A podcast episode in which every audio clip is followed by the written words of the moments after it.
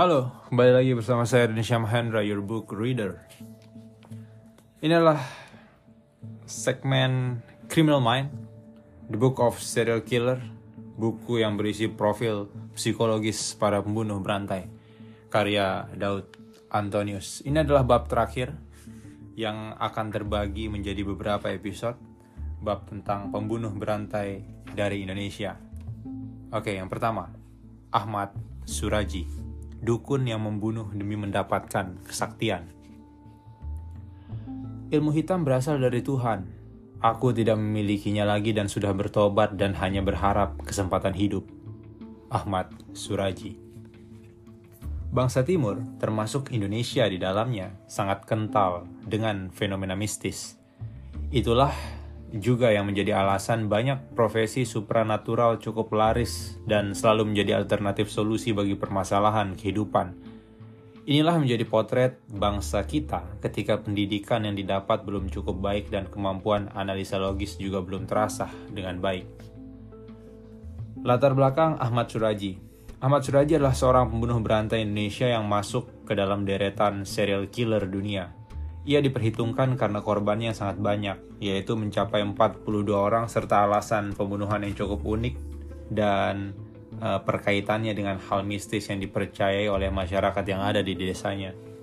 Ahmad Suraji lahir pada tanggal 10 Januari 1949. Ia adalah anak pertama dari dua bersaudara, pasangan suami istri bernama Jogan dan Sartik. Ia terlahir dengan nama Sagimin dan ayahnya kemudian meninggal dunia ketika ia berusia tujuh bulan. Pada waktu kecil, ia pernah tercebur ke sumur dan hampir tewas. Setelah selamat, banyak kenalan dan para tetangganya yang memanggilnya dengan sebutan nasib karena keberuntungannya selamat dari maut tersebut. Pada waktu remaja, ia pernah kedapatan melakukan pencurian terhadap ternak dalam aksinya, ia juga selalu menggunakan kelewang atau sejenis golok Melayu. Karena itulah banyak yang memanggilnya dengan sebutan nasib kelewang.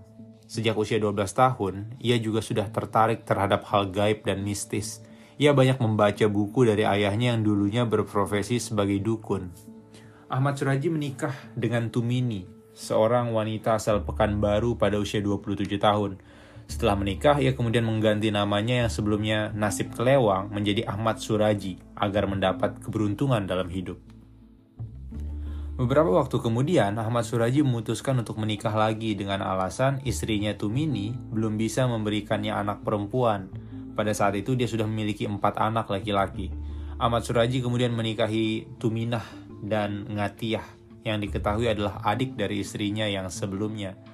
Ibunya sempat tidak menyetujui pernikahan ini, sampai pada akhirnya ibunya pun diusir oleh Ahmad Suraji. Dari tiga orang istrinya yang kemudian yang semuanya adalah kakak beradik, ia juga memiliki sembilan orang anak. Dalam kesehariannya, Ahmad Suraji bekerja sebagai petani dan juga peternak sapi. Ia juga mendalami profesi lain yaitu sebagai dukun atau paranormal yang cukup disegani di desanya. Banyak orang berdatangan untuk meminta pertolongan dan nasihat.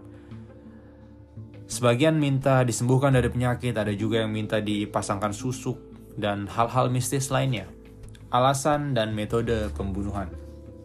Pada tahun 1986, ketika Ahmad Suraji berusia 36 tahun, ia mendapatkan sebuah mimpi. Dalam mimpi tersebut, disebutkan bahwa ayahnya yang sudah meninggal mendatanginya dan memerintahkan kepadanya untuk menyempurnakan ilmu hitam dengan cara membunuh 70 orang wanita dan menghisap air liur mereka.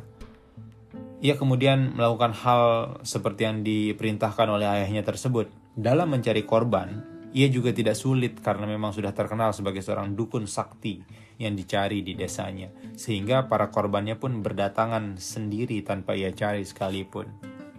Dalam penyelidikan kepolisian, ditemukan setidaknya 42 orang korban yang meninggal dan terkubur di, di perkebunan tebu Para korban tersebut dibunuh dengan cara dicekik menggunakan kabel, kemudian dikuburkan di sekitar perkebunan tebu dengan kepala korban menghadap ke arah rumahnya. Hal tersebut diyakini sebagai ritual untuk mendapatkan kesaktian tambahan.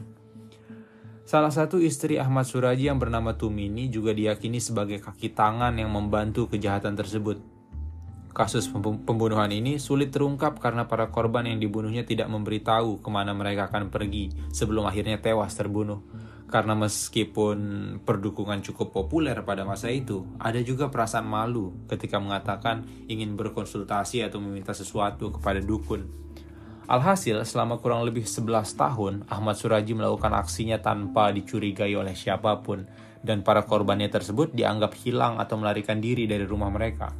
Jika kasus ini belum terungkap, ada kemungkinan korban akan terus berjatuhan sesuai dengan jumlah ritual yang dilakukannya. Pembunuhan yang terungkap Sri Kemala Dewi adalah seorang wanita yang berusia 21 tahun.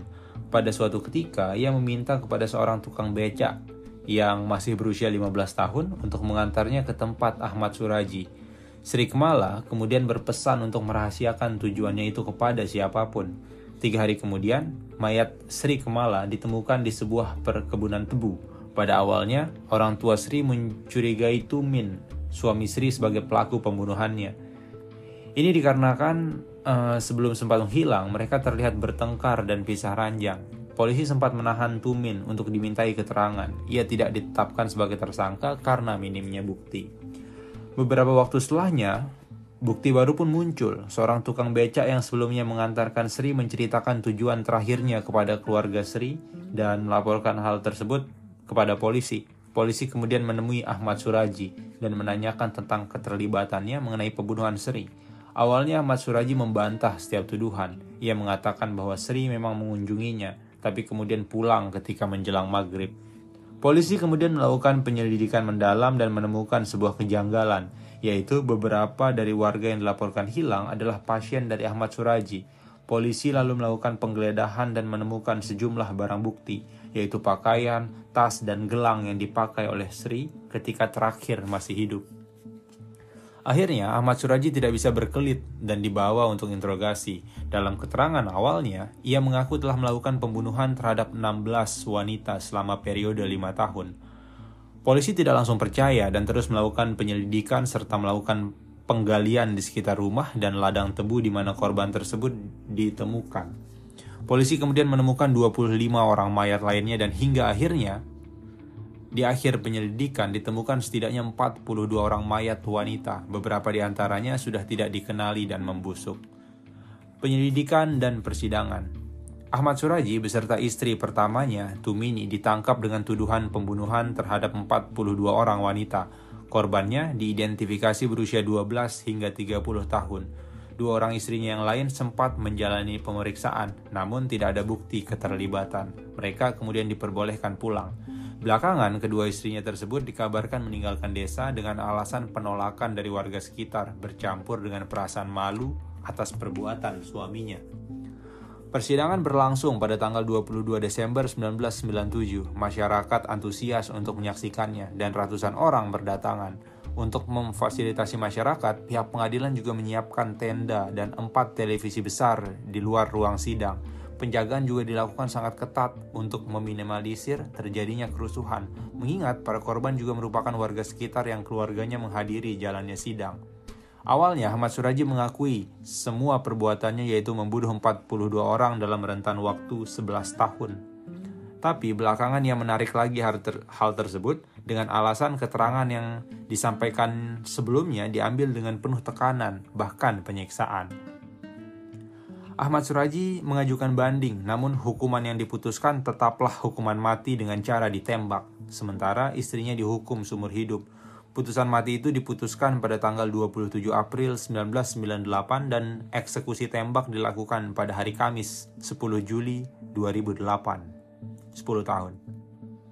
Dalam sebuah wawancara terakhir, ia menyatakan bahwa sebenarnya dalam mimpi ayahnya menyuruh Ahmad Suraji menghisap air liur 70 orang wanita muda yang sudah mati, bukan membunuh para korbannya tersebut.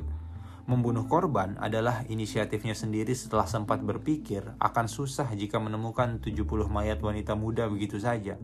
Kasus ini tidak hanya dikenal di Indonesia, bahkan secara internasional, media asing juga banyak meliputnya. Kisah ini juga sempat diangkat ke dalam sejumlah buku dan difilmkan. Sekian. See you next episode. Ada Ferry Idham Heniansah atau Rian Jombang skandal pembunuhan yang menghebohkan. Bye.